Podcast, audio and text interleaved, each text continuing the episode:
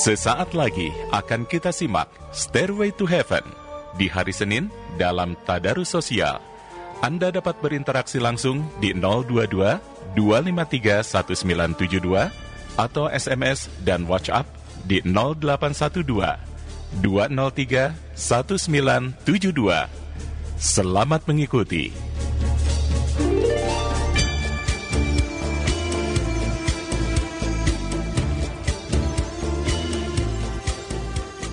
Bismillahirrahmanirrahim. Assalamualaikum warahmatullahi wabarakatuh.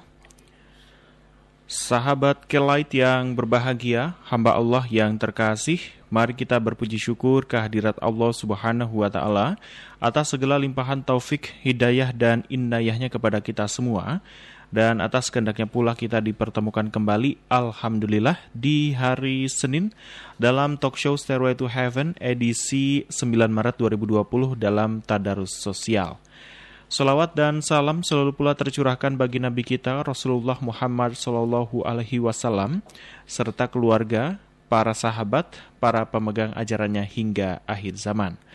Baik sahabat Kelight, Alhamdulillah di studio sore hari ini sudah hadir kembali Pak Ustadz Yusuf Muhammad dan juga Pak Ustadz Mustafid Amna. Silakan Anda bisa bergabung untuk interaksi dan sharing bersama kami di dalam tema yang akan kita bahas sore hari ini. Ataupun di luar tema boleh Anda bisa hubungi dengan dua cara. Yang pertama Anda bisa telepon on air di 022 253 1972 sekali lagi 022 253 1972 ataupun Anda bisa SMS dan WhatsApp di 0812 203 1972. Baik sahabat Kelight, sore hari ini kita akan membahas isu terkini. Kita akan membahas dengan judulnya psikopat.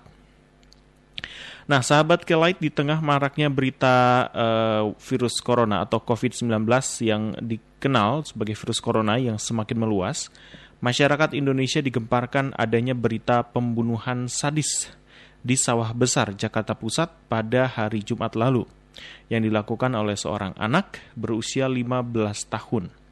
Korbannya pun masih berusia 5 tahun yang menjadi korban dan dibunuh dengan cara yang sadis. Nah, lebih mengejutkan lagi, sang uh, pembunuh menyatakan dirinya puas setelah melakukan pembunuhan itu. Jadi tidak ada ekspresi ketakutan, apalagi penyesalan setelah melakukan pembunuhan tersebut. Pihak kepolisian maupun psikolog masih menduga bahwa motif pelaku yang menenggelamkan korban di bak mandi, lalu juga e, dicekik begitu ya, dan masih banyak lagi cara-cara kejinya yang kabarnya dipengaruhi oleh paparan dari film-film psikopat yang ditontonnya. Nah, salah satunya adalah film horor berjudul Slenderman, besutan sutradara dari Sylvain White, ya yang berdasarkan karakter dengan nama yang sama. Nah, sahabat kilat pihak kepolisian yang bergerak cepat dibuat kaget terhenyak dengan tulisan dan gambar mengerikan yang ditemukan di rumah pelaku yang masih berusia 15 tahun. Terhadap kejadian itu, semua mengundang banyak pertanyaan. Salah satunya adalah, apakah ada yang salah dalam sistem pendidikan kita? Atau apa itu semua bagian dari tanda-tanda akhir zaman? Wallahu alam. Baik sahabat kilat, untuk membahas topik ini lebih lanjut, kami persilakan Pak Yusuf Muhammad dan juga Pak Ustadz Mustafid Amna. Bismillahirrahmanirrahim, sahabat-sahabat kilat yang berbahagia.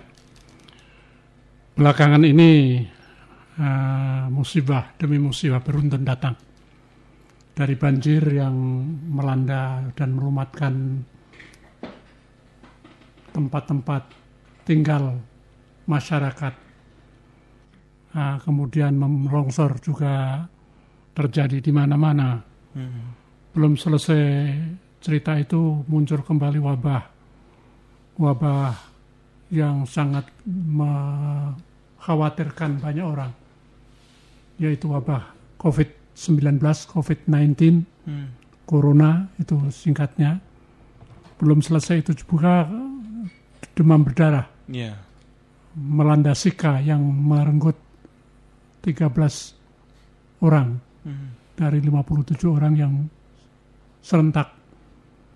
Ini belum selesai, dikaget lagi berita yang tidak kalah menggempa, menggetarkan hati, yaitu pembunuhan yang dilakukan oleh seorang anak remaja putri Hmm. umur 15 tahun dan tega mencekik menamkan sang korban yang umurnya masih lima tahun tetangganya sendiri. Hmm. Ini merupakan bagian yang ini salah salahnya di mana? Hmm. Ada masalah apa? Nah, itulah barangkali pertanyaan yang beruntun yang menyebabkan kita ini berpikir jauh. Apa dosa kita, apa salah kita? Nampaknya kalau proses sebab akibat memang segala sesuatunya itu memang terjadi karena proses sebab akibat. Tapi karena berbarengan dan kemudian serentak, Hmm.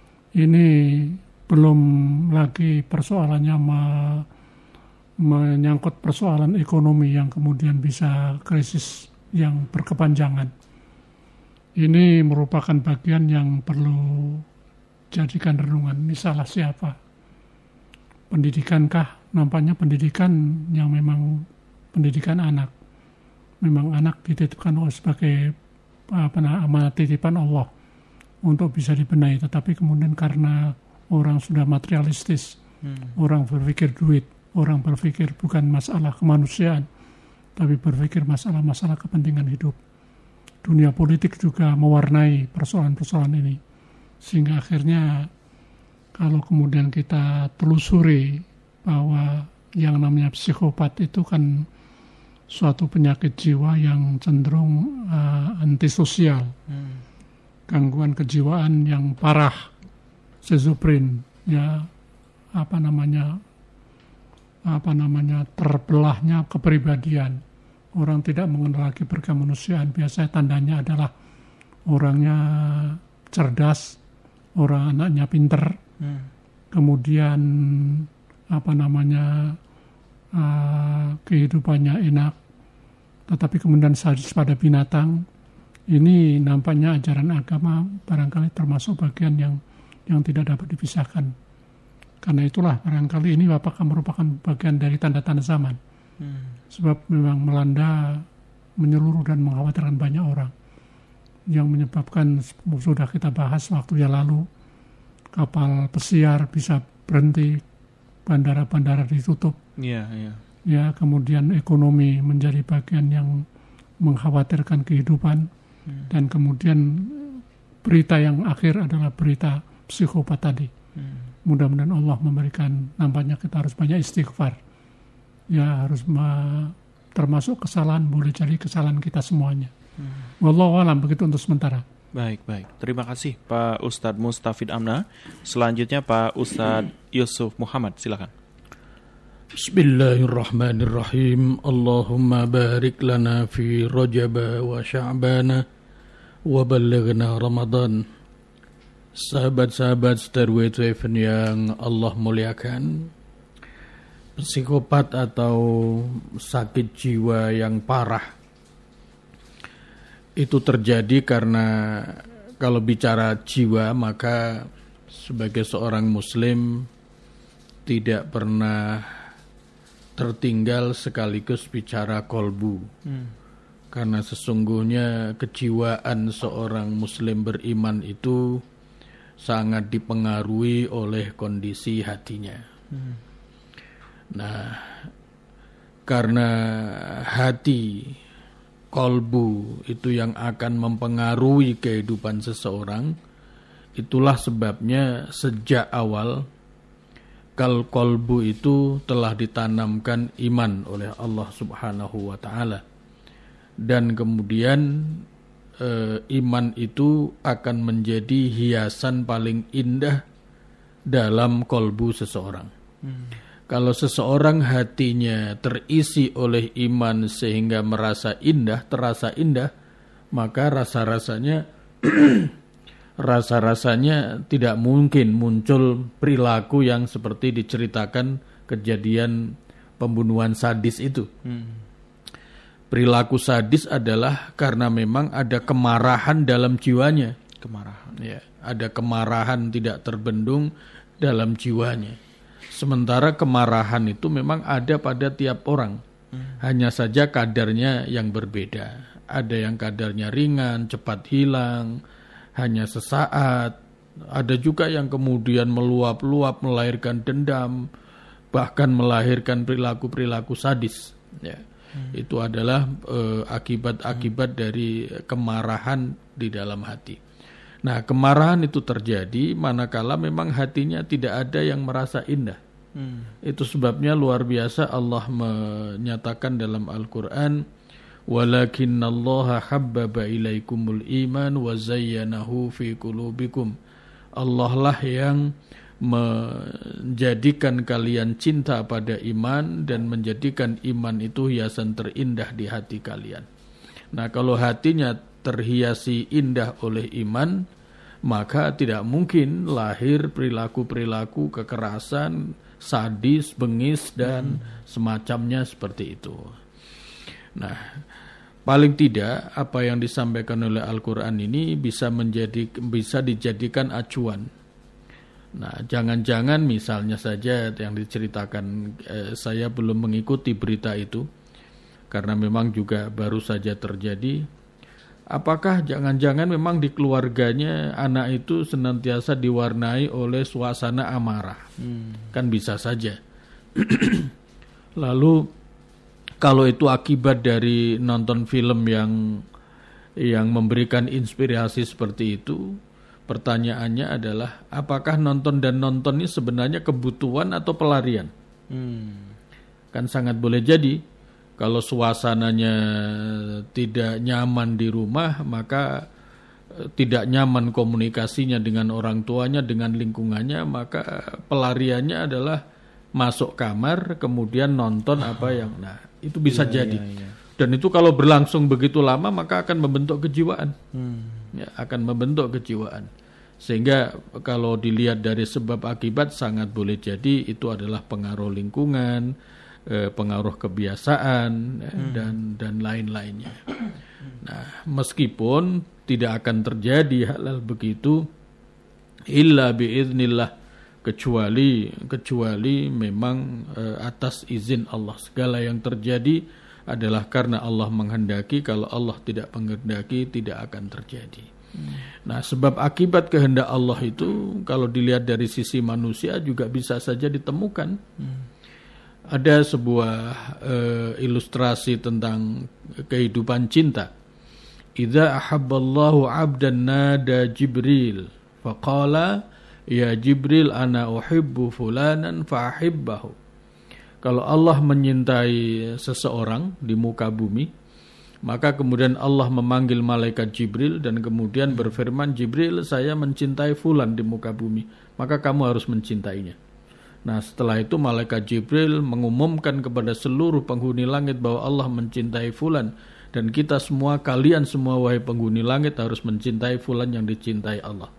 Nah setelah itu kecintaan penduduk bumi itu tumpah kecintaan penduduk langit itu kemudian tumpah ke bumi dan itulah yang kemudian menjadi kedamaian. Hmm. Nah dalam sebuah keluarga juga begitu jika ingin keluarga itu damai, tidak menimbulkan, tidak ada suasana amarah, lalu amarah itu yang menyebabkan eh, kejiwaan anak seperti itu, hmm. maka memang keluarga itu harus dididik dalam suasana, diciptakan suasana, keluarga itu adalah mahabbah kepada Allah. Kalau keluarga itu diciptakan mahabbah kepada Allah, maka Allah akan mencintai mereka yang akhirnya diberikan kedamaian dalam hati dan jauh dari suasana amarah. Hmm. Nah, tapi sebaliknya, kalau Allah e, tidak suka kepada seseorang, maka juga memanggil malaikat Jibril menyampaikan tidak suka kepada penduduk bumi. Malaikat Jibril pun juga menyampaikan kepada penduduk langit ketidaksukaan Allah itu dan penduduk langit akhirnya membenci penduduk bumi. Dan kebencian, kemarahan penduduk langit itu kemudian tumpah hmm. sehingga dunia menjadi tidak nyaman, gampang amarah masa, hmm. gampang segalanya. Oleh karena itu kalau ingin menciptakan kedamaian di muka bumi maka ciptakan mahabbah eh, kepada Allah Subhanahu wa taala. Ini berbagai eh, apa namanya eh, tuntunan-tuntunan agama yang rasa-rasanya memang masih jauh yeah. dengan fakta yang terjadi di masyarakat kita. Demikian sahabat. Baik, baik. Terima kasih Pak Ustadz Yusuf Muhammad. Baik sahabat Kelight, Anda bisa bergabung sore hari ini dalam Stairway to Heaven. Kita sedang membahas tema psikopat. terutama setelah terjadinya kasus pembunuhan oleh anak kecil terhadap anak kecil. Oke, sudah bergabung di telepon sebentar.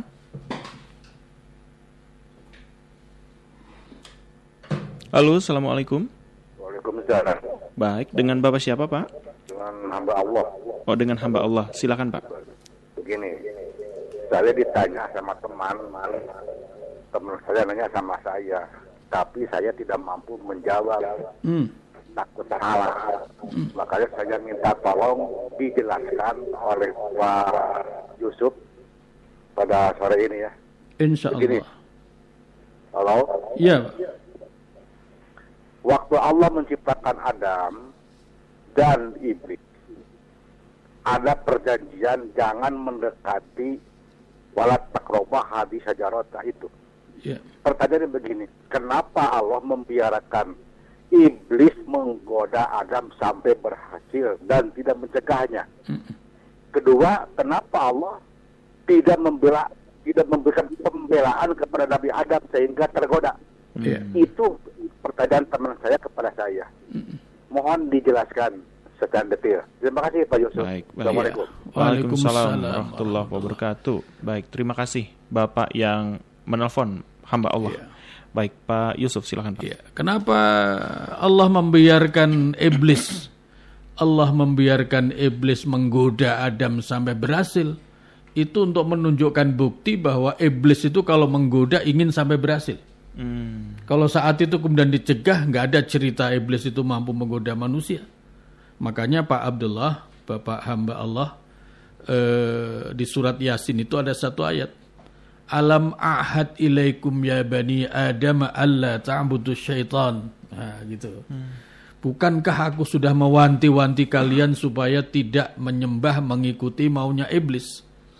Nah, kalau sekiranya Allah mencegah sejak awal iblis tidak boleh menggoda Adam sampai berhasil, ayat ini nggak akan turun. Nah, gitu. Jadi jadi untuk membuktikan kebenaran firman Allah bahwa iblis itu memang kalau sudah menggoda manusia tidak akan pernah berhenti sebelum berhasil, maka itu dibiarkan oleh Allah. Kalau itu tidak dibiarkan, tidak akan terjadi pelajaran-pelajaran bagi umat sampai kita dan sampai hari kiamat. Nah, itu hikmah tarbiyah ya. Hikmah tarbiyahnya ada di situ, Pak Abdullah. Hikmah tarbiyahnya ada di situ. Nah, makanya iblis itu menggodanya luar biasa. Dan paling gigih iblis itu menggoda manusia, mengerahkan semua daya upaya dan kemampuan ketika manusia sedang sakaratul maut.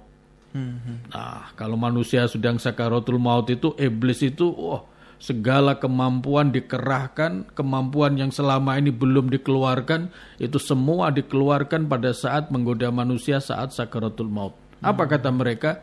Wahai sahabat-sahabatku, wahai seluruh pasukanku, begitu kata pemimpinnya. Iya. Ini adalah kesempatan terakhir untuk menggelincirkan si fulan ini jangan sampai dia beriman kepada Allah.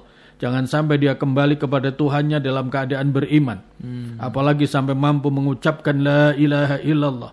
Kalau sampai kalian gagal saat ini, jangan harap kalian dapat teman dia nanti ada di neraka. Nah, itu makanya semua kemampuan eh, dikerahkan. Nah, Pak Abdullah, penjelasan ini yang penjelasan yang terakhir ini kalau Bapak sempat bisa baca di kitabnya Imam Al-Ghazali, kitab terakhir yang beliau tulis sebelum wafat yaitu kitab Minhajul Abidin.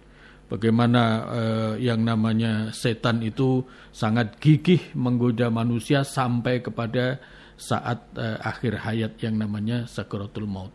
Maka pan, sepanik-paniknya orang mengurus kehidupannya tidak akan ada apa-apanya dibandingkan paniknya seseorang menghadapi sakaratul maut karena dia luar biasa takut masa depannya karena sadar akan masa lalunya kemudian bimbang dan lain sebagainya belum lagi serangan-serangan keraguan yang dilakukan oleh iblis seperti itu. Itu sebabnya kemudian ada doa Allahumma hawwin alaina fi sakaratil maut. Wahai Allah ringankanlah hamba dalam menghadapi sakaratul maut. Bukan sakitnya sakaratul maut saja tapi sakitnya menghadapi godaan-godaan iblis yang dia mengerahkan semua daya dan kemampuan. Itu yang pertama. Kemudian yang kedua eh, kenapa eh, Adam tidak di seolah-olah tidak dibela oleh Allah, tidak kemudian diberikan kekuatan kekuatan sampai tidak mampu tidak mampu uh, iblis menggodanya. Kenapa dibiarkan sampai tergoda? Gitu ya pertanyaan tadi ya. Iya, iya. Nah, lagi-lagi kalau eh, eh, pesan Allah kan begitu. Wala takroba hadhihi syajarah. Ayat-ayat sebelumnya adalah silahkan kamu wahai Adam eh, apa namanya eh, tinggal di surga mm-hmm. nikmati segala yang ada dengan catatan satu saja. Ya, satu saja. Jangan mendekati eh, pohon ini. Mm-hmm. nah apa kata eh, kata iblis? Kata iblis memutar balikkan fakta. Apa kata iblis? Kata iblis merayu Adamnya adalah wahai Adam tahukah kamu kenapa Tuhanmu ya, Kenapa Tuhanmu melarang kamu mendekati eh, pohon khuldi ini? Hmm. Itu agar kamu tidak abadi di surga. Hmm. Sehingga kamu kehilangan eh, ke kenikmatan surga. Maka kamu kalau ingin ke surga, di surga terus justru makanlah ini. Nah, artinya apa? Di balik keinginan eh, Adam alaihissalam itu adalah ingin lebih dan ingin lebih hmm. itu berbahaya. Sudah nikmat, ingin lebih nikmat. Sudah kaya, ingin lebih kaya. Keinginan lebih lebih lebih lebih yang bis, yang bias yang merupakan kenikmatan-kenikmatan duniawi itu itu memang bisa betul-betul membuat orang lupa terhadap pesan-pesan Allah. Hmm. Nah itu makna yang terkandung di dalamnya. Lagi-lagi adalah pelajaran itu Pak Abdullah. Hmm. Ya pelajaran bagi manusia. Kalau seandainya saat itu Adam tidak tidak dibiarkan oleh Allah digoda sampai berhasil, maka tidak ada pelajaran bahwa keinginan lebih kepada duniawi ujungnya mencelakakan. Iya. Ingin lebih nikmat, ingin lebih kekal, ingin lebih segala-galanya. Nah manusia juga begitu, umurnya ingin lebih panjang, lebih panjang, lebih panjang dan seterusnya. Padahal Al-Quran mengatakan, ya, kalau umur panjang-panjang-panjang terus sampai akhir itu ujung-ujungnya adalah nauzubillah menjadi umur pikun, umur lelah, kemudian umur uh, lemah dan lain sebagainya. Hmm. Uh, yang disebut oleh Al-Qur'an arzalil umur. Hmm. Uh, begitu Pak Abdullah, mudah-mudahan ini bisa Bapak jadikan bahan walaupun mungkin jauh dari sempurna kepada pertanyaan yang uh, sahabat Bapak yang bertanya tadi. Hmm. Baik, Terima kasih. Baik, baik. Terima kasih Pak Ustadz Yusuf Muhammad. Berarti sejak dulu uh, apa ya menggodanya tidak hanya menggoda tapi uh, apa ya menggunakan teknik yang luar biasa oh, ya, iya, ya. iya. Bahkan pakai hoax itu ya sejak dulu luar ya. biasa, luar biasa itu. Waduh, berarti hoax sejak sudah sejak dulu itu Pak Ustadz. Iya, hoax iya itu sudah sejak dulu. Waduh, oke okay, baik. Terima kasih uh, Pak hamba Allah yang sudah bergabung di telepon, Pak Mustafid silakan. Sahabat Abdullah bahwa jawaban pertanyaan yang dilontarkan oleh teman Anda adalah bahwa harus kembali kepada akidah yang tinggi. Robbana ma khalaqta hadza batila ya Allah. Hmm. Engkau menciptakan segala sesuatu enggak ada sia-sia. Sekiranya tidak ada proses itu, enggak ada dunia ini. Iya. Enggak ada iya, kita. Iya, iya. Itu pelajaran bahwa akhirnya Allah memberikan pelajaran secara tidak langsung bahwa diperlukan kita ini ekstra waspada hmm. menghadapi godaan setan. Nah itu, jadi artinya bahwa kembali kepada akidah tinggi. Hmm. Ya kalau kalau ini kalau ya, kalau kemudian Adam apa namanya tidak makan buah huldi tadi, hmm. nggak ada dunia ini, nggak ada umat manusia macam-macam. Jadi perlunya Allah memberikan contoh keteladanan, contoh persiapan menghadapi godaan setan yang demikian dan setan menggoda itu seperti yang disebut sahabat Yusuf tadi. Hmm. Jadi hikmahnya adalah sangat luar biasa, sangat banyak. Iya, iya. Ya begitu. Baik, baik. Lalu pertanyaannya Pak Mustafid, ketika Nabi Adam dulu satu kali hilaf itu langsung keluar dari surga, bagaimana dengan kita sekarang Pak Ustadz yang sering hilaf? Adam langsung menyatakan apa namanya, dolam tu nafsi dulman kasio, Robbana dolam na anfusana wa illam taghfir lana watarhamna lanakunan khosirin itu juga merupakan pelajaran. Hmm. Jadi termasuk kalau kita menghadapi persoalan yang kemudian kita kuat, kita akhirnya harus mohon ampun pada Allah. Hmm. Nah sekarang boleh jadi dengan orang banyak maksiat, orang tidak minta ampun, barangkali musibah demi musibah terus datang kepada kita semuanya menerpa. Itu salah satunya. Jadi hikmah bukan kemudian dijawab dengan jawaban yang tadi seakan-akan Allah itu kok menghendaki begitu. Ya, Memang Allah punya setting menghadapi dunia, menciptakan dunia dan isinya itu seperti itu. Mengapa pakai tanya jawab segala? Apa apa malaikat tidak tahu? Jadi Allah yang punya setting yang semacam itu untuk menciptakan dunia dan segala macam isinya. Wallahu alam begitu sahabat Abdullah. Baik, baik. Terima kasih. Oke, sahabat Kilai, sekarang kita masuk ke pertanyaan yang ada di SMS dan WhatsApp 0812-203-1972. Dan ini kebetulan eh, sama dengan apa yang kita bahas sore hari ini, Pak Ustadz. Eh, dari eh, Mbak Yuli, Assalamualaikum. Waalaikumsalam warahmatullahi wabarakatuh. Jadi banyaknya musibah yang melanda, mungkin banyaknya dosa yang diperbuat di muka bumi. Benarkah? Iya. Eh, benar itu. Jadi dosa demi dosa yang tidak diikhtiarkan untuk minta ampun. Itu akibatnya adalah musibah demi musibah. Kalau ditelusuri bahwa tadi pembunuhan tadi karena memang dia lahir dari Hmm.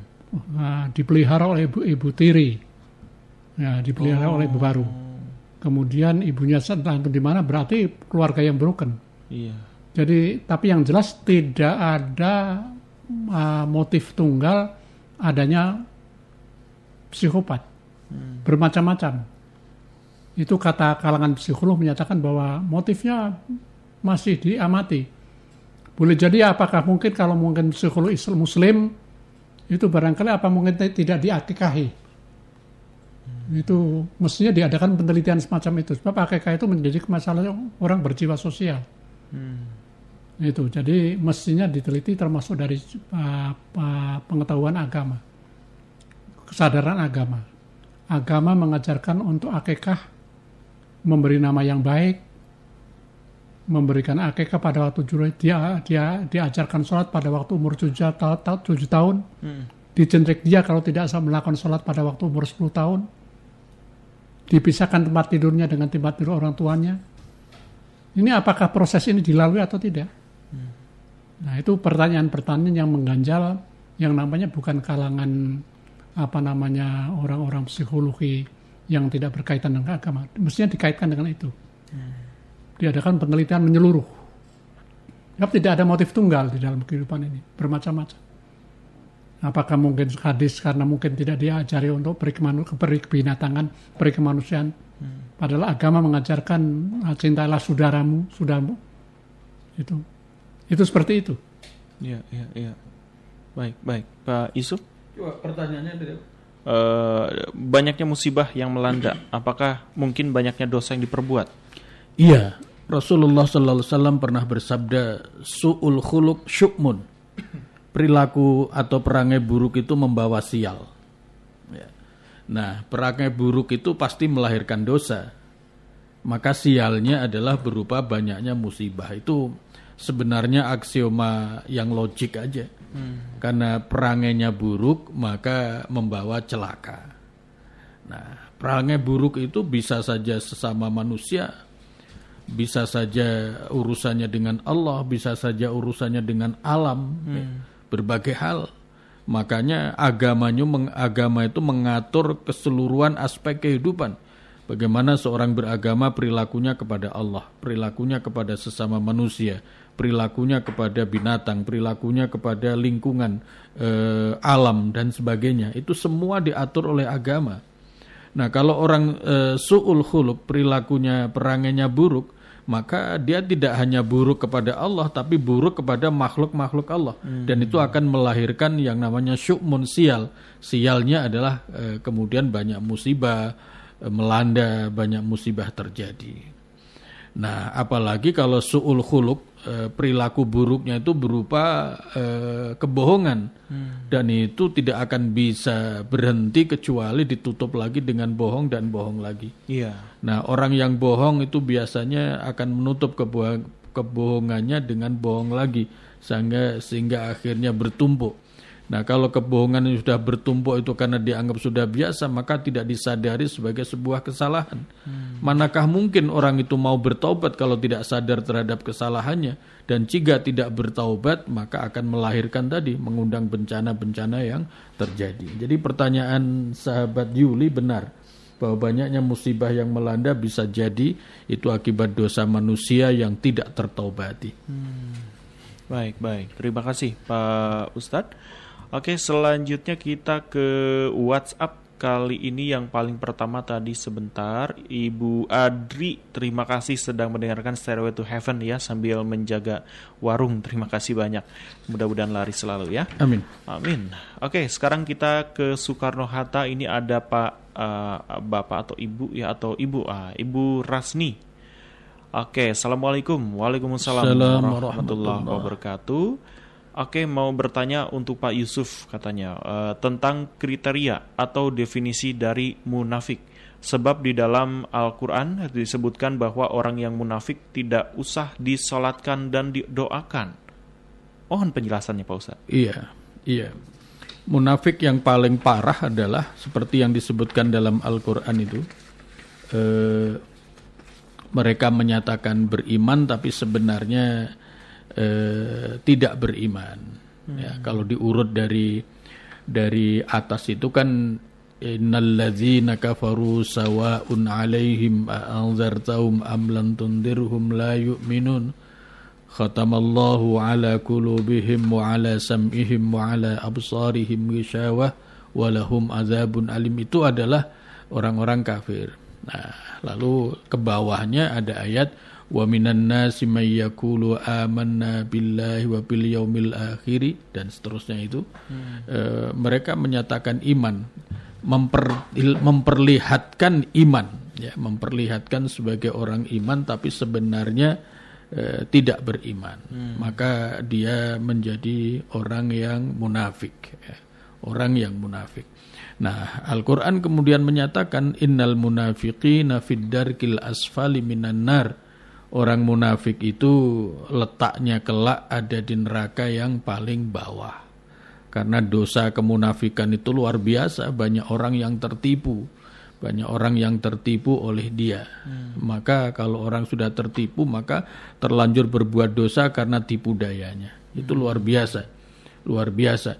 Orang yang munafik itu bisa melahirkan, eh, bisa menjadikan orang lain berdosa. Nah, kalau orang lain berdosa karena kemunafikan dia, korban dia, maka dia akan mendapatkan yang namanya pasif dosa. Pasif dosa. Ya. Oh. Sebagai kebalikan dari pasif pahala. Hmm. Orang yang beramal jariah itu meskipun sudah tidak melakukan itu mendapatkan terus. Orang yang membunuh yang membunuh adalah saat ini, tetapi salah seorang putra Nabi Adam yang mengawali pembunuhan kepada hmm. saudaranya itu tertimpa kena dosa terus karena oh. berawal dari sana. Itu namanya pasif pasif dosa. Hmm. Nah, pasif pahala dan ada juga pasif dosa. Saya kira itu untuk Bu untuk siapa tadi? Uh, Ibu Rasni. Rasni ya, Ibu ya, Rasni. Ya. Jadi tidak usah disolatkan dan didoakan itu Nah, ini yang yang yang perlu dicek lagi apakah memang ada eh, barangkali Bu Rasni bisa bisa melihat lagi bisa melihat lagi apakah orang orang munafik ini memang layak tidak disolati atau uh, masih boleh disolati. Para hmm. ulama memang ada perbedaan pendapat. Karena orang munafik itu sebenarnya Islamnya masih ada. Hmm. Islamnya masih ada, makanya ada juga yang uh, membolehkan untuk disolati. Tetapi karena perilakunya yang sudah sangat tampak keburukannya, hmm. maka kemudian ada yang tidak mau menyolati. Hmm. Baik, baik, baik. Terima kasih Ibu Rasni ya. Selanjutnya kita ke Cikutra Pak Hales. Assalamualaikum. Waalaikumsalam warahmatullahi wabarakatuh. Untuk te dapat terhindar dari hal-hal buruk katanya perbanyaklah doa kepada Allah. Salah satu jalannya Setelah uh, sholat fardu kita biasa berdoa istighfar, takbir, Allahumma antas salam dan lain sebagainya. Disebutkan jika doa setelah sholat itu wajib eh, jika doa setelah sholat wajib adalah doa yang mustajab. Nah pertanyaannya dari Pak Hales katanya, e, kapan saja waktu mustajab saat berdoa? Apakah hanya setelah sholat fardu dan apakah harus menggunakan bahasa Arab dalam berdoa? Silakan Pak Mustafid. Sahabat alas, doa memang punya pengaruh yang sangat dahsyat. Ketika apa usaha ikhtiar tidak bisa dilakukan, iya. Harta kekayaan, jabatan, pangkat kedua tidak bisa nolong, maka ujung-ujungnya adalah memang doa adalah memang memang yang perlu dijadikan sebagai silahul mukmin, hmm. sebagai pedangnya orang mukmin.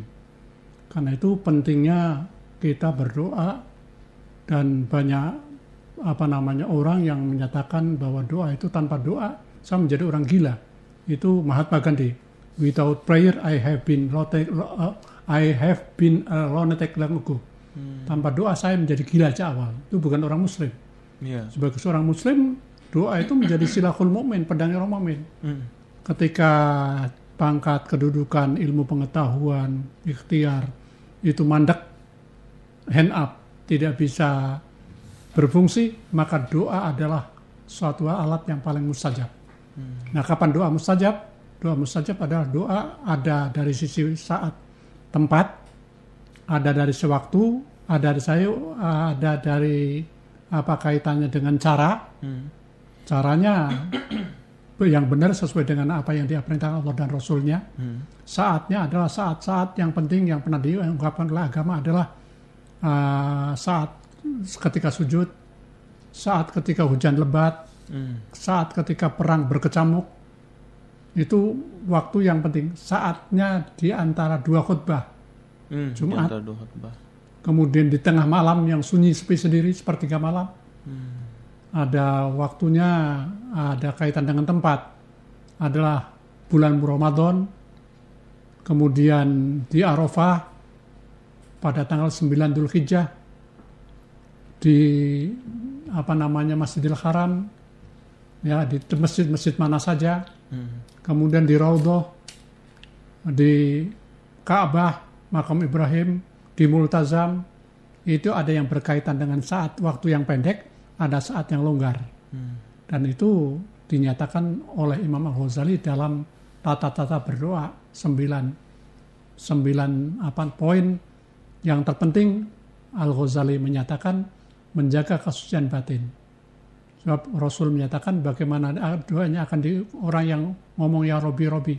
Kemudian Rasul apa namanya memberikan pernyataan bagaimana mungkin doanya dikabulkan. Hmm. Sebab makanannya haram, minumannya haram, baju yang dipakai adalah tidak halal. Hmm. Fakai faiz saja pula bagaimana mungkin doanya akan dikabulkan.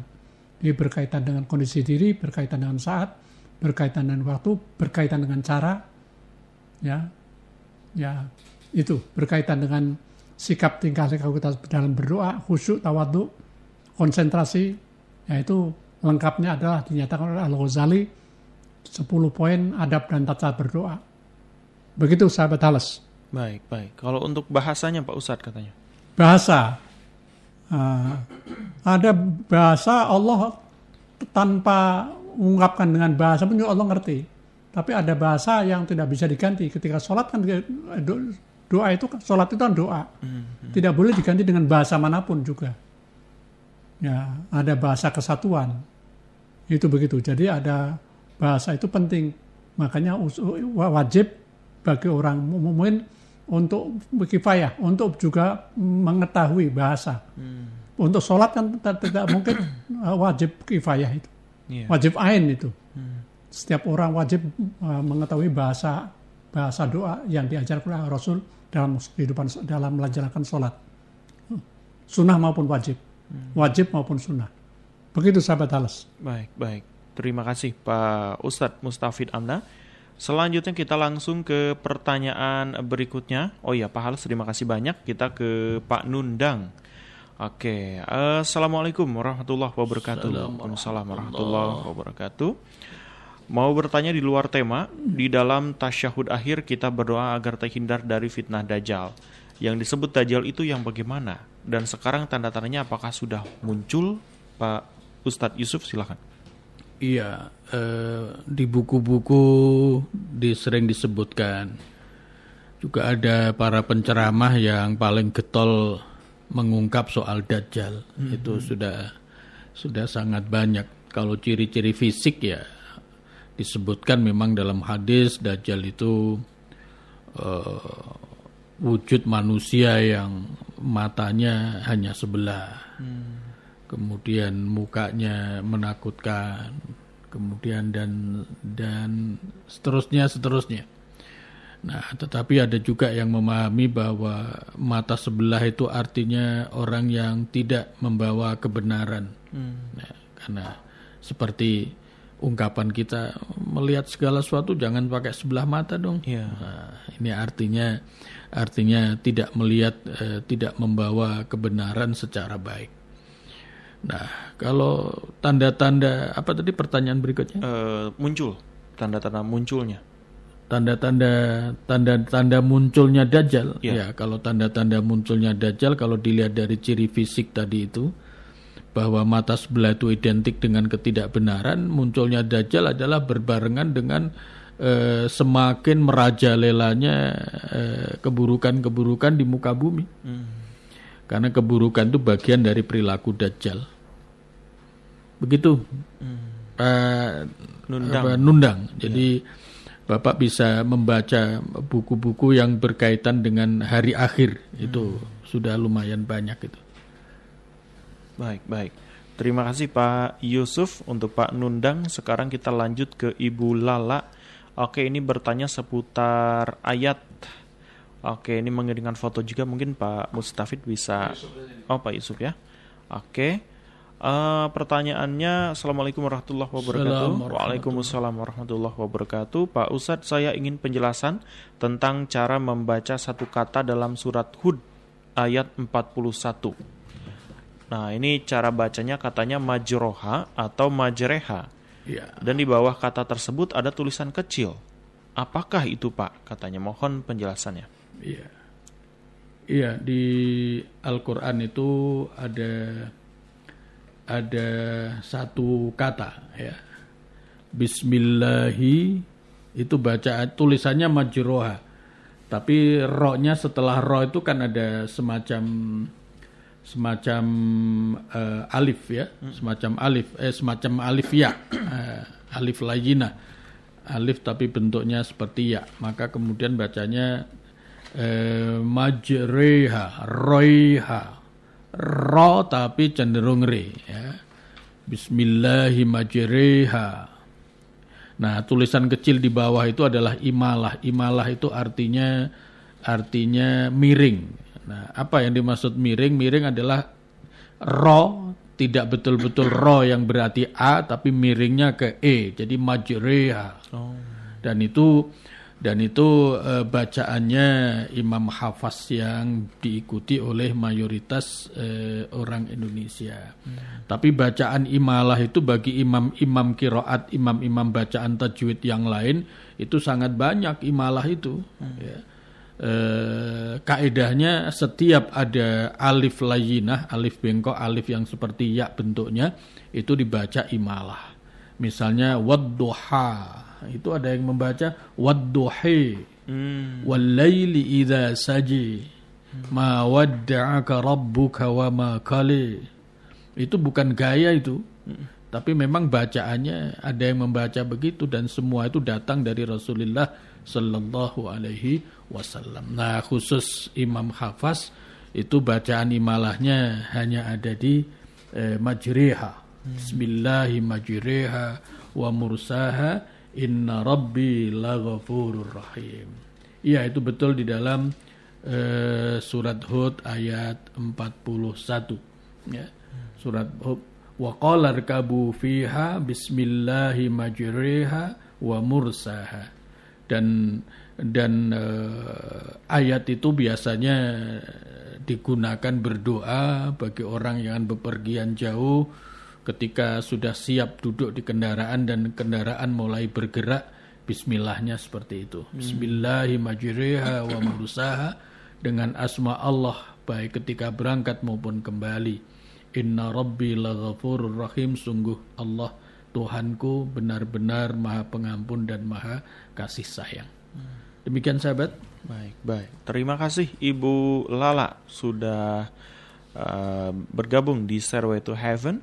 Selanjutnya kita sapa ada uh, sebentar Kang Daniel. Oke, Assalamualaikum Pak Ustadz. Waalaikumsalam warahmatullahi wabarakatuh. Baik, uh, ini untuk Pak Mustafid sepertinya ya.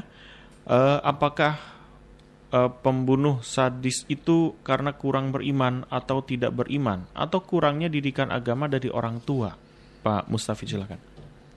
Uh, sahabat Lala, uh, Daniel. Daniel. Sampai sekarang ini masih diadakan penelitian. Hmm. Sebabnya itu sesungguhnya apa? Tidak ada sebab tunggal, kata kalangan psikolog menyatakan begitu. Tapi yang jelas latar belakangnya sang anak ini uh, dipelihara oleh ibu tiri. Hmm. Jadi bapak ibunya cerai, oh. itu begitu. Kemudian uh, apa namanya, di, jelas bahwa kalau biasanya orang yang dipelihara oleh ibu tiri, kasih sayangnya tidak seperti ibu ibunya sendiri. Demikian juga ini sering kali juga ada nyanyian ibu tiri hanya cinta pada ayahku saja. Itu jadi mungkin kasih sayangnya tidak mendapatkan. Hmm. Tapi yang jelas bahwa tidak ada penyebab tunggal yang melatar belakangi. Tapi tanda-tandanya adalah biasanya orangnya sadis, biasanya orangnya uh, pinter, cerdas, hmm. tapi uh, dia adalah kejam terhadap binatang. Hmm. Kemudian dia hobinya suka ngomong, tapi tidak semua orang yang suka ngompol kemudian punya pintu wajib begitu. Jadi berbagai-bagai macam apa namanya ciri ya? ciri yang penting adalah barangkali menyangkut masalah kasih sayang. Hmm. Makanya saya kaitkan dengan masalah pendidikan di mana mungkin barangkali perlu diamati hmm. uh, tentang tadi akekah karena akekah termasuk bagian mendidik orang bersosial sejak dari awal. Hmm. Begitu sahabat Daniel. Daniel. Baik, baik. Oke Pak uh, Ustadz, saya jadi ingat juga uh, perkataan dari Menteri Pendidikan dan Kebudayaan uh, Pak Nadiem Makarim. Uh, beliau bilang bahwa uh, agar anak bisa tumbuh baik itu salah satunya adalah pendidikan di keluarga, komunikasinya katanya gitu. Nah berarti kan tadi dengan kasusnya perceraian lalu ibu tiri, berarti kan tidak ada komunikasi yang jalan. Berarti kalau kita misalnya berkomitmen punya anak, berarti kita punya kewajiban untuk menjaga sampai besar ya, Pak Ustadz ya. Agama telah mengajarkan semuanya. Hmm. Ada tujuh sasaran pendidikan yang perlu diamati dan itu disampaikan oleh Dr. Abdullah Nasirwan dalam bukunya Tarbiyatul Alwatul Islam yang bukunya sudah diterjemahkan oleh Profesor Dr. Jawad Dahlan itu kaitan dengan masalah keimanan, kaitan dengan masalah akal, kaitan dengan masalah apa namanya uh, seksual, kaitan dengan masalah makanan, kaitan hmm. dengan masalah uh, uh, sosial, mas'uliyah tarbiyah al-imaniyah, mas'uliyah al, al, al hulukiyah tingkah laku, persoalan-persoalan yang berkaitan dengan dengan apa namanya makanan. Rasul menyatakan uramatus sobi fi sigori jazdadul aklu fi kibri. Menjaga uh, gizi sang anak waktu kecil akan memiliki kecerdasan. Hmm. Tapi juga berarti memang secara menyeluruh harus diamati. Iya. Jadi tidak ada aspek tunggal yang yang tadi bisa disimpulkan. Hmm. Ini sebabnya ini. Nah ini sekarang masih diteliti. Hmm. Karena ini kasus yang menarik yang membuat orang tersentak. Hmm. Kok begini? Hmm. Ini akibatnya apa yang beres di mana letaknya? Mudah-mudahan ada jalan keluarnya dan mudah-mudahan kemudian akan bisa diteliti penyebab yang penting. Hmm. Sebab sang anak umur 5, 15 tahun sadisnya seperti itu yeah. dan tidak merasa menyesal, hmm. justru puas dengan keadaan seperti itu. Hmm. Hmm. Nah itu akibatnya karena mungkin nonton film, tapi film banyak yang nonton film tapi juga tidak seperti itu. Yeah. Jadi tidak ada apa, apa penyebab tunggal yang yang bisa diartikan, yang bisa di, jadikan sebagai pegangan yang pokok. Yang penting seluruh aspek. Di luar barangkali ada memang merupakan bagian setting Allah Subhanahu wa taala. Begitu sahabat Daniel. Baik, baik. Terima kasih Pak Yusuf, silahkan. Cukup. Cukup, baik. Terima kasih. Sekarang kita lanjut ke Kang Nandi. Oke, selamat sore Pak Ustadz, selamat sore Kelight. Bukankah manusia itu diberi akal yang lebih baik oleh Allah dari makhluk-makhluk lain? Dan apakah dengan terjadinya anak membunuh itu antara akhlak dan akal berjauhan apa beda katanya gitu? Pak Mustafid lagi. Uh, Allah memberikan manusia itu akal, tapi Allah memberikan juga manusia nafsu. Ada dua lembaga.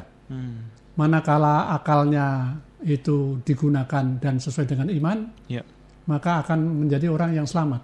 Hmm. Tapi manakala uh, akalnya dikendalikan oleh oleh nahwa nafsunya menjadi menjadi gak karuan, menjadi rusak. Hmm. Hmm.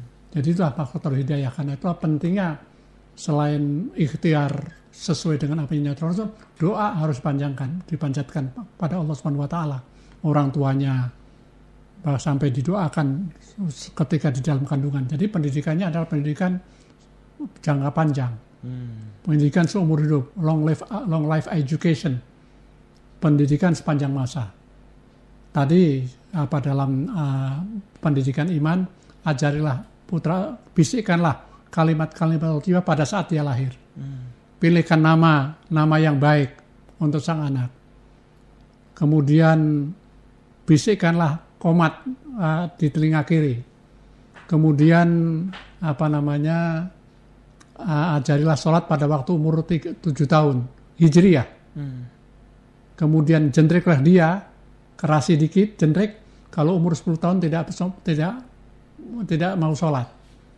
Pisahkan tempat tidurnya itu ada pendidikan seksual, pendidikan psikologi, pendidikan iman, pendidikan akal. Hmm. Memberikan makan juga tidak asal memberikan makan seenaknya, harus dipilih bergizi tinggi, yang, yang halal haram. Hmm. Sekarang hal haram nampaknya tidak menjadi bagian yang penting dapat apalagi dalam situasi yang sulit yang yang yang masalahnya harus diperhatikan betul. Hmm. Betul begitu sahabat Nandi. Nandi. Oke, baik Pak Yusuf. Cukup baik. Terima kasih banyak. Sekarang saya lanjutkan ke sahabat siapa ini ya? Oh, Pak Iip. Oke, Assalamualaikum. Waalaikumsalam warahmatullahi wabarakatuh. Wilujeng Sonten Pak Ustadz katanya. Ya, sami-sami. Pak Ip di Sadang Serang mau bertanya di luar tema. Jadi saya lagi wirid katanya, salah satu solawat dan disarankan diakhiri oleh doa ini. Doanya adalah sebentar saya masih buka. Doanya adalah doa saat ditimpa cobaan berat. Ini di sumbernya dari Tasawuf Underground. Uh, dari hadis riwayat An-Nasal katanya. Ya Allah sesungguhnya aku memohon kepadamu dan aku menghadap kepadamu perantara Nabi Muhammad, Nabi pembawa rahmat. Wahai Muhammad, sesungguhnya aku memohon kepada Tuhanku dengan engkau terkait dengan hajatku agar dikabulkan. Uh, pertanyaannya adalah, apakah dibolehkan diakhiri doa ini? Apakah bagaimana? Soalnya katanya Pak Ip ini sekarang kondisinya ragu. Mohon penjelasannya Pak Ustadz. Pak Yusuf silakan. Iya, ungkapan doa. Jadi pertama pertama solawat. Ada ada solawat tadi ya? Ya. Ada solawat. Nah, apa makna solawat berkaitan dengan proses doa seseorang? Ada penjelasan dari hadis Rasulullah SAW bahwa doa itu mu'allakun bainas sama'i wal ard artinya hmm. tidak mampu menembus tidak lampu tidak mampu menembus langit itu sebuah sebuah ilustrasi tidak akan sampai kepada Allah kalau tidak dikawal dengan solawat. Hmm. Nah, kenapa demikian? Karena memang uh, Rasulullah Shallallahu Alaihi Wasallam itu adalah uh, manusia yang paling dicintai oleh Allah, paling sayang kepada umatnya, sehingga yeah. Solawat kepada beliau itu sama dengan kita mengundang beliau untuk mengamini doa kita. Hmm. Oleh karena itu para ulama kemudian menulis solawatnya sedemikian banyak. Salah satunya Syekh Ismail Yusuf An-Nabhani itu mantan hakim agung di Irak itu menulis kumpulan solawat eh, dalam sebuah buku khusus Afdolus Salawat ala Sayyidis Sadat. Eh, solawat-solawat utama kepada pemimpinnya para pemimpin. Maksudnya adalah Rasulullah Shallallahu Alaihi Wasallam. Sampai ada 77 macam. Ada solawat Ibrahimi yang paling kita kenal ada solawat munjiat ada solawat dan lain-lain. Hmm. nah kemudian dari eh, lalu akhir itu kemudian di di di apa? Di akhir dengan doa tadi itu Allahumma inni dan seterusnya wahai Allah aku memohon aku menghadap kepadamu dan seterusnya seterusnya itu namanya doa wasilah ya berdoa kepada Allah dengan mengikut sertakan Rasulullah Shallallahu Alaihi Wasallam. Hmm. Nah itu sama dengan kita berdoa sekaligus membaca membaca solawat yang isinya sekaligus doa. Hmm. Itu sama dengan kita berdoa kepada Allah melibatkan mengajak serta Rasulullah Shallallahu Alaihi Wasallam itu bukan saja dibolehkan tetapi itu dianjurkan dan para ulama meyakininya itu adalah doa yang yang sangat kemudian punya harapan makbul di hadapan Allah Subhanahu wa taala. Begitu Kang Ib. Hmm. Baik, baik. Jadi tidak ragu lagi Pak Ustadz. Eh, kembali kepada Pak Ib. Hmm. Nah, dengan penjelasan itu apakah masih ragu? Kalau masih ragu, segi yang mana yang diragukan? Eh, nanti bisa didiskusikan. Hmm. Baik, baik. Oke, sahabat Kelight, uh, terima kasih banyak Anda sudah bergabung dan saya ucapkan mohon maaf sekali untuk Anda yang sudah bergabung baru bergabung, tapi pertanyaannya tidak sempat saya bacakan karena sekarang sudah habis waktunya. Seperti dari Pak atau Kang Ikhwan di SMS mengenai mati suri boleh nanti ditanyakan kembali di edisi berikutnya. Lalu juga ada Ibu Ucu mengenai uh, jenazah ya memandikan jenazah. Ada juga Mbak Reni yang sedang mendengarkan, Mbak Cornelia juga terima kasih sedang mendengarkan, Mbak Omi di Geger Kalong terima kasih sudah mendengarkan dan mohon maaf tidak bisa dijawab karena sudah uh, habis waktunya mengenai cara ber, baik bersyukur ketika sedang diuji. Dan terakhir ada dari siapa ini? Pak Dedi ya yang uh, oh ini mengucapkan saja katanya. Assalamualaikum Pak Ustadz. Waalaikumsalam warahmatullahi wabarakatuh. Wilujeng Sonten Pak Ustad katanya hatunuhun tausiahnya uh, Pak Dedi sedang mendengarkan katanya terima kasih semoga sehat walafiat selalu amin amin, amin amin terima kasih Pak Dedi ya Oke sahabat Kelight demikianlah kebersamaan kita dan untuk penutup kebersamaan kita dalam Stairway to Heaven, mari kita simak simpul hati dan doa bersama Bapak Yusuf Muhammad dan juga Bapak Mustafin Amna. Bismillahirrahmanirrahim. Allahumma barik lana fi Rajab wa Sya'ban wa ballighna Ramadan. Allahumma nawwir qulubana wa tahhir nufusana وثبت إيماننا وصخح أجسادنا وصخح أجسادنا وصخح أجسادنا وإلى الخير قربنا وعن الشر أبعدنا. اللهم حبب إلينا الإيمان وزينه في قلوبنا وكره إلينا الكفر والفسوق والعصيان واجعلنا من الراشدين. ربنا آتنا في الدنيا حسنة وفي الآخرة حسنة وقنا عذاب النار والحمد لله رب العالمين. الحمد لله رب العالمين. Alhamdulillah sahabat kelat yang berbahagia Terima kasih atas perhatian dan atensi Anda. Sekali lagi saya ucapkan mohon maaf sekali atas uh, pertanyaan yang tidak bisa dijawab. Silakan ditunggu kembali di edisi berikutnya. Setiap Senin, Rabu, dan Jumat pukul 16.30 sampai 17.30 Bersama Bapak Ustadz Yusuf Muhammad dan juga Bapak Ustadz Mustafid Amna saya Guru Aditya masih menemani Anda dalam Afternoon Light hingga menjelang pukul 18 petang nanti. Wassalamualaikum warahmatullahi wabarakatuh.